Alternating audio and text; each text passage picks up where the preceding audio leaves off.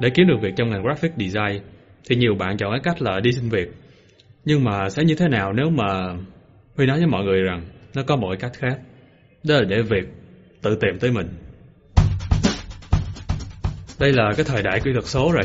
Thì cái portfolio á, nó không dừng lại ở cái việc mà mọi người in ra một cuốn sách xong rồi để chém chệ lên bàn nữa. Mà nó là tập hợp những cái dự án để mọi người có thể up lên một cái website nào đó. Behance nó là một cái công cụ rất là mạnh mẽ để cho mình có thể kiếm ý tưởng, kiếm việc, kiếm khách hàng. Và việc của Huy trong cái khóa học này á là Huy sẽ chỉ mọi người làm sao để tối ưu hóa những cái công cụ mạnh mẽ đó. Để mà sử dụng tốt được Behance á, thì ta phải xác định được là ta đang ở cái giai đoạn nào trong cái quá trình ta chơi Behance. Giai đoạn thứ nhất á, là giai đoạn luyện tập. Nghĩa là trong cái giai đoạn này thì các bạn chỉ đơn giản là nhìn nhiều để mà nâng cao cái thẩm mỹ, để mà thấy được là mình nhỏ bé so với thế giới.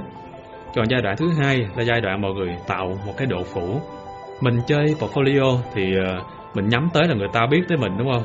Bởi vậy mà trong cái giai đoạn này á, mọi người làm nhiều những cái dự án để mọi người khác biết tới để mà mình có một cái độ phủ sóng nhất định trên Behance. Và cuối cùng là giai đoạn tinh chế.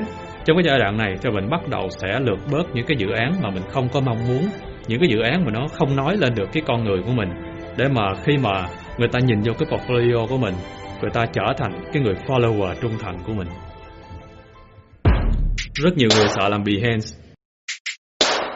Sợ là mình làm xấu Sợ là người ta sẽ chê cười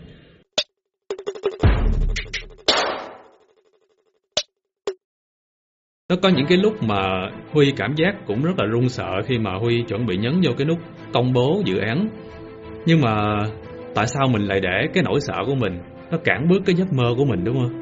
Đôi khi mình nhìn một cái dự án mình không biết là làm sao người ta lại có thể có được cái số lượng appreciation và cái nơ tới như vậy và mình không biết làm sao để mình có thể đi tới được cái mức đó thì à, Huy có một cái bí mật dành cho các bạn.